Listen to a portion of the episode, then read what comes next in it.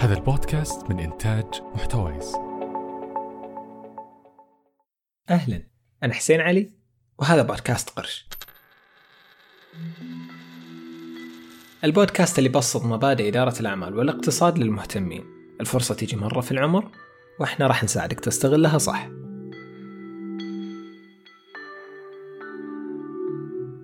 اليوم ودنا نتكلم عن بطلة من أبطال أفريقيا. ممكن بداية القصة مأساوية شوي. لكن هالمرة راح تكون نهايتها جميلة.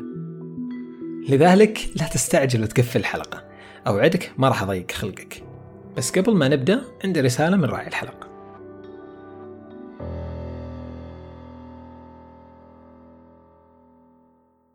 تقنية ال 5G أو الجيل الخامس من زين توفر أحدث معايير السرعة على الجوالات والأجهزة الذكية.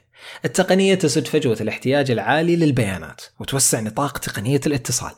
وبكذا تتعدى تقنية الجيل الرابع وبجدارة. تقنية الجيل الخامس 5G من زين عالم جديد. تفاصيل الحصول على الخدمة في وصف الحلقة. دافروزا وزوجها ألان غوتيه في رحلة بحث عن الجنات المتورطين في إحدى أسوأ الجرائم في القرن العشرين جريمة الإبادة الجماعية التي شهدتها رواندا عام 1994 الكثير من في أحد أيام التسعينات كانت السيدة دفروزا راجعة البيت بعد زيارتها لأصحابها. لكن لما وصلت ما تخيلت إنها راح تشوف اللي شافته أبدا. رجعت البيت حتى تشوف أولادها الثمانية وزوجها وأهل زوجها وجيرانهم كلهم مقتولين. مشهد ما كانت تتصور أنها تشوفه في يوم من الأيام. عائلة كاملة انتهت جذورها خلال ساعات. الموضوع ما وقف عن مقتل أهلها بل تعدى ذلك إلى تدمير بيتها ومزرعتها اللي تعتبرها مصدر الدخل الوحيد لها. الآن دفروزة تقف أمام واقع قاسي جدا. لا أهل لا أصدقاء لا جيران ولا حتى مال تقدر تعيش منه. كانت هذه أيام صعبة مو بس على بطلتنا اليوم بل على الشعب الرواندي كله. في التسعينات خاضت رواندا حرب أهلية طاحنة بين قبيلتي الهوتو والتوستي. هذه الحرب تعد من أسوأ الحروب الأهلية في العصر الحديث. هذه الحرب كانت بمثابة جحيم على الشعب الرواندي كانت نتيجتها أكثر من مليون قتيل ربع مليون حالة اعتداء تدمير للمزارع قتل للمواشي اللي كانت هي أفضل مصدر دخل للشعب الرواندي تدمرت المساكن تدمرت دور العبادة وحتى المراكز الصحية. بالمختصر وصلت رواندا خلال يوم واحد إلى الحضيض. لكن خلنا ناخذ لمحة سريعة ليش الحرب أصلا صارت. عشان نفهم أسس هذه الحرب لازم نفهم أن في رواندا ثلاث قبائل. قبيلة الهوتو وهذه الغالبية وكانت تسيطر على الزراعة. القبيلة الثانية هي قبيلة التوتسي ويجون في المرتبة الثانية ومشهورين برعي المواشي. وأخيرا شعب توا وذول يشتغلون في الصيد. عددهم قليل ولا لهم حل أو ربط. في الخمسينات كانت رواندا يا طويل العمر مستعمرة من بلجيكا. جات بلجيكا ودعمت التوتسي اللي هم أقلية بالنسبة للهوتو وخلت حاكم البلاد من التوتسي. وكذا حسوا الهوتو بنوع من التمييز أو إنه شلون ذول رعاة البقر يكونون حاكمين علينا. بعدها في بداية الستينات صارت الدول الأفريقية المحيطة برواندا تطالب بالاستقلال من أي بلد مستعمر. رواندا قالت وش ينقصنا غير عنهم؟ إحنا بعد نبي نستقل. لكن بلجيكا قالت مش بهالسهولة يا حبيبي. قامت بلجيكا وقالت للتوتسي تبون استقلال؟ نعلمكم كيف. فشالوا التوتسي من الحكم وحطوا الهوتو. أيوة بالضبط. الهوتو ما صدقوا خبر وبدأوا يطلعون كل حرتهم على التوتسي. صار قتل شوي منا ومناك وتشريد وطرد لهم لكن حرارة القتل والتشريد ما زالت مستمرة حتى التسعينات. حينها انفجر الوضع بين القبيلتين وصار الذبح يكون على الهوية. بعد ما غرقت الشوارع بالدماء وصار الواحد ما يعرف يمشي من كثرة الجثث في الشوارع طلعوا ناس عقال شوي وفاهمين من الطرفين. حاولوا يهدون الوضع لكن الحرب صارت مثل النار في الهشيم. اقتل وانت ماشي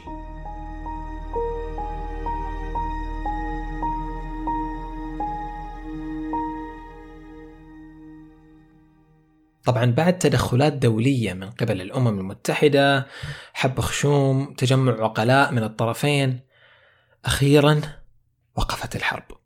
لكن خلفت وراها دمار اقتصادي واجتماعي كبير جدا. الآن الشعب الرواندي أمام تحدي كبير جدا وقاسي. كيف راح يعدون هذه الكارثة؟ بعد ما تشكلت حكومة جديدة الله يسلمك قاموا بعدة أمور. قاموا أولا بعمل محاكمة لكل القتلة. لكن طبعا ما قدروا يحاكمون كل القتلة ولا راح تكون مجزرة أخرى. عشان تعرف بس حجم اللي شارك في هذه الحرب. لكن حاكموا بس الرؤوس الكبار اللي كانوا محركين للفتنة طبعا هذا كان صدمة للمجتمع الرواندي لأن الضحايا كانوا يطالبون بالثار لكن اقتنعوا إنهم إذا ما تعاونوا مع بعض هذه المرة وما ضغطوا على عواطفهم راح يعيشون في دمار مستمر. لذلك قامت الحكومة بتشكيل برامج تعاونية بين أفراد المجتمع عشان تذوب الفوارق اللي بينهم وتنتهي هذه الطبقية. مثلا في يوم محدد كل أسبوع يشارك جميع أفراد المجتمع في أعمال تطوعية عامة. تخيل اللي حاول يقتلك بالأمس تشوفه يتطوع معك في إصلاح طريق أو زرع شجرة اليوم. لكن مش باليد حيلة أنتم هم محتاجين هذا الطريق ومحتاجين هذه الشجرة الشيء الآخر اللي سوته الحكومة حتى تبني رواندا من جديد هو محاربة الفساد صاروا يلحقون الفساد من رأس الهرم من الحكومة حتى أصغر موظف في البلدية وبعد ما استقر السلم الأهلي وأصبحت الحكومة نوعا ما خالية من الفساد فتحت الحكومة الرواندية باب الاستثمار للدول الخارجية من العالم. وطبعا الصين ما صدقت خبر صارت رواندا محل تنافس بين الشركات للاستثمار والإعمار. كل شركة تقول الزود عندي في المشاريع. هذا ياخذ جسر وهذا ياخذ طرقات وهذه مباني مؤسساتية والشغل ماشي وانت رايح. على الجانب الآخر كانت الحكومة تحمل فكرة وهي حتى نخلق جيل مسالم ومتقدم لابد نتعب على التعليم. لذلك قامت الحكومة بتطوير التعليم ودمجه مع القطاع التكنولوجي. حتى الشعب مو بس يتعلم وإنما يكتسب مهارات تناسب الزمن الحالي اللي تعيش في رواندا. حكومة رواندا وفرت ما يقارب 1500 كيبل من الألياف ال fiber. ووصلت أجهزة الكمبيوتر إلى المدارس الريفية من خلال كمبيوتر محمول لكل طفل. تفكر حكومة رواندا وقفت عند هنا وبس؟ لا اشتغلت على أهم مصادر الدخل لهم ألا وهو الزراعة والماشية. قالت للمزارعين شوفوا. الله يسلمكم. راح نوزع عليكم أراضي ونساعدكم في إصلاح الأراضي وإمدادكم بالمواد اللازمة ومو بس كذا. لابد تاخذون دورات تعليمية تخص الجانب الزراعي وجانب ريادة الأعمال عشان تعرفون كيف تديرون المزارع والمواشي. ومن الفكرة هذه تولدت فكرة أخرى أعظم من هذه. ألا وهي العمل على إنشاء دورات تعليمية في مجال إدارة الأعمال والتكنولوجيا.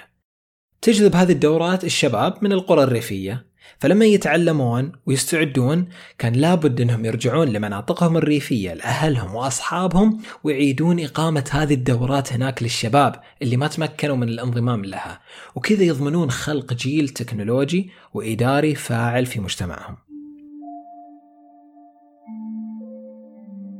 رواندا في التسعينات يا عزيزي كانت تتمنى الموت من الجوع ومش قادرة توقف على رجولها لكن اليوم وفي 2020 نشوفها تعانق الفضاء ومستوى الفقر تنازل من 60% إلى 39% رواندا اليوم صارت الواجهة السياحية الأولى في أفريقيا وعاصمتها كيغالي من أكثر المدن أمنا على مستوى قارة أفريقيا.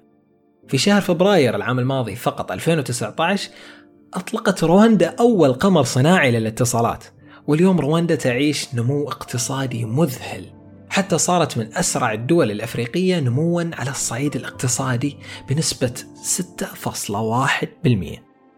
وهذا يعني أن مستوى نموها أسرع وأكبر حتى من ألمانيا اللي نموها بس 2.2% أبغاك تتخيل معي عزيزي رواندا نموها صار قريب من النمو الاقتصادي للصين اللي يصل إلى 6.9 وهالكلام طبعا على ذمة البنك الدولي. طيب الحين وصلنا لمربط الفرس بعد هالكلام الطويل والقصة الطويلة. كيف رواندا هذه الدولة الصغيرة يكون نموها أسرع من ألمانيا؟ هل ألمانيا خلاص صارت دولة مثلا غير منتجة أو رواندا تحمست حبتين وصار عندها نووي؟ خلني أشرح لك الفكرة. الموضوع كالآتي عزيزي المستمع. خوينا عبود غازي إذا تتذكرونه من حلقة العطالة كان جالس كذا يوم يفكر أنه يستثمر فلوسه شوي. يعني يمكن يطلع كم قرش حق البزورة اللي عنده. فقام وبنى شقة في الدور الثاني في بيتهم. ضبطها رتبها وعرضها للإيجار على Airbnb يعني حق السواح ودعم السياحة وكذا. الفلوس اللي بنى بهالشقة هذه تعتبر رأس مال ومشروع الشقة هو الاستثمار بذاته. في أول كم سنة كان اللي يجي من الأجار ممتاز ومروق عليه أبو غازي لكن بعد خمس سنين لاحظ أن جزء من أرباح الشقة يروح ترميم تصليح فبالتالي معدل الربح بدأ يقل. الآن أمام عبود غازي خيارين. الأول أنه ما يغير من سعر الشقة وبالتالي كل ما تقدم الزمن كل ما زادت الإصلاحات وسعر هالإصلاحات بيكون من ربح الشقة وبالتالي راح يقل الربح. الثاني أنه يزيد من سعر الشقة وكذا يحصل أما نفس الربح القديم أو أعلى منه بشوي والفلوس الجديدة يستخدمها في التصليح. نلاحظ أن في أول السنوات أرباحها كانت تجي بشكل مرتفع لكن من بدأت الخرابات تطلع والسخانة تحتاج تصليح والمغسلة بالمطبخ تنسم بدأ معدل الربح ينخفض. هذا بالضبط عزيز المستمع نفس اللي صاير بين رواندا وألمانيا في المقارنة. بالطبع ألمانيا اليوم تعد من أقوى الدول اقتصاديا في القارة العجوز أوروبا لكن لأن رواندا في بداية شق طريقها الاقتصادي. فلذلك تمر بمرحلة الأولية للإنشاء الاقتصادي. طبيعي أن نلاحظ أن فيها نسبة النمو الضخمة هذه.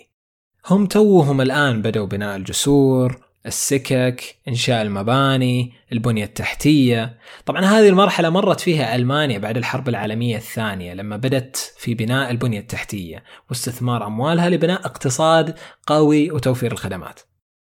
هذا السبب هو اللي جعل نمو ألمانيا الاقتصادي آنذاك سريع جدا علما بأنها هي كانت من الطرف الخاسر في الحرب العالمية الثانية. لكن لأنها كانت تحتاج لإعادة البنية التحتية وإنشاء المصانع فلذلك ظهرت أنها ذات نمو اقتصادي مرتفع عدت فيها أمريكا في ذاك الوقت. وكذلك الحال كان مع سنغافورة لما شهدت القفزة الاقتصادية الكبيرة في الستينات والسبعينات. ليصل في عام 1970 إلى 13.9% حسب تقرير البنك الدولي. لكن يبقى السؤال هنا بعد أن تتطور البلاد وتنشئ بنية تحتية قوية وتشهد ازدهار اقتصادي تمر بعدها بمرحلة يضعف فيها النمو الاقتصادي وتتساوى فيها نسبة التكلفة المدفوعة على ما يتم بناءه مع نسبة العوائد الخارجة. بالتالي فإن الاقتصاد يضعف والاستثمار يقل. كيف إذا تستطيع هذه الدول أن تجعل نموها الاقتصادي في ازدياد؟ اولا من الطبيعي جدا انه ينخفض معدل النمو الاقتصادي، مو طبيعي ابدا أنه 8% أو 10% نمو يبقى مستمر إلى الأبد، ولذلك رواندا كان معدل نموها الاقتصادي في 2015 يشكل 8%، لكن في 2017 تراجع إلى 6.1%. هذا يكون فقط في بداية نشأة الدولة اقتصاديا وعمرانيا، لكن بعدها يستقر النمو الاقتصادي على مستويات أدنى. فمثلا سنغافورة بعد أن كان معدل نموها الاقتصادي زي ما قلنا 13.9% أصبح حسب آخر إحصائيات في 2017 3.6 وهذا جدا طبيعي في نمو اقتصاد الدول. ثانيا عشان يستمر النمو الاقتصادي لابد أن تكون هناك أفكار جديدة متولدة تحفز من مستوى الاستثمار وتكنولوجيا متقدمة تشكل مصدر جديد لعوائد اقتصادية. بالتالي كل ما تولدت أفكار استثمارية جديدة وكل ما تحفز المجال الاستثماري كل ما بقى الاقتصاد في حالة نمو وعطاء مادي. إذا الامتحان الحقيقي لاقتصاد الدول ليست البدايات. وإن كانت عظيمة وتعتبر إنجاز كبير وضخم لصناعة اقتصاد مستقر ومنتج لكن الامتحان الحقيقي هو كيف أن نحافظ على هذا النمو من خلال تفعيل الجانب الاستثماري وإضافة تكنولوجيا جديدة تخدم المسار الاقتصادي للبلاد.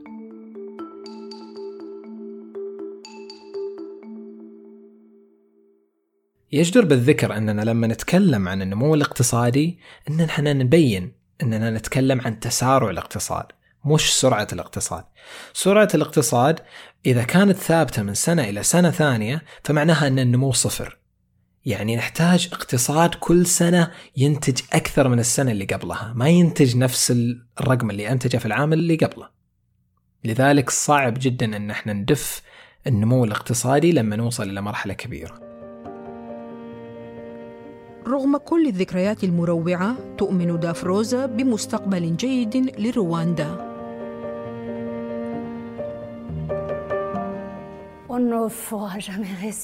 لن يبعث الموت للحياة مجددا لكن رواندا تجددت منذ عام 1994 أعتقد أن هذا يظهر للجميع. ليس هذا هو الحلم الرواندي بل هو تقريبا المعجزة الرواندية لمعرفة ما حدث في السنوات الخمسة والعشرين الماضية. نعم هذا في الواقع من قبيل المعجزة بالنسبة لي. طبعا بطلتنا لهذه الحلقة السيدة دفروزا ما نسيناها. هي في الواقع مثال حقيقي للوجه المشرق لرواندا. فقدت كل ما تملك لكن ما فقدت الأمل. خسرت ثروتها لكن ما خسرت قوتها وعزيمتها. بعد انتهاء الحرب قامت أسست بيت للأيتام اللي فقدوا أهاليهم. اعتنت فيهم كما لو أنها تعتني بأولادها. أنفقت على تعليمهم. أكلتهم شربتهم لبستهم وكل ما يحتاجونه وفرت لهم. الأيتام اللي تربوا مع السيدة دفروزة أصبحوا كبار اليوم وكل واحد منهم شق طريقه في الحياة. دفروزا كملت طريقها حتى تؤسس مؤسسة أخرى للأرامل. تساعد فيها الأرامل اللي في مثل حالتها. تساعدهم أنهم يرجعون للحياة أقوياء مرة ثانية. تساعدهم على الصعيد الاجتماعي والصعيد النفسي. تساعدهم من خلال تقديم دورات تدريبية تمكنهم من فتح مشاريع صغيرة ومشاريع زراعية وكمان تساعدهم في تجاوز أي صعوبات تجتاحهم في طريقهم. المؤسسة ساعدت أكثر من 1650 أرملة بطرق كثيرة جدا تفوق ال 1350 طريقة. العصبية ما كانت يوم من الأيام تجلب خير ونهايتها دائما تفرقة دم ودمار. لكن بالوحدة ونسيان خلافات الماضي تقدر تصنع تاريخ عظيم وأمة عظيمة. قام بإعداد نص هذه الحلقة حسن أحمد.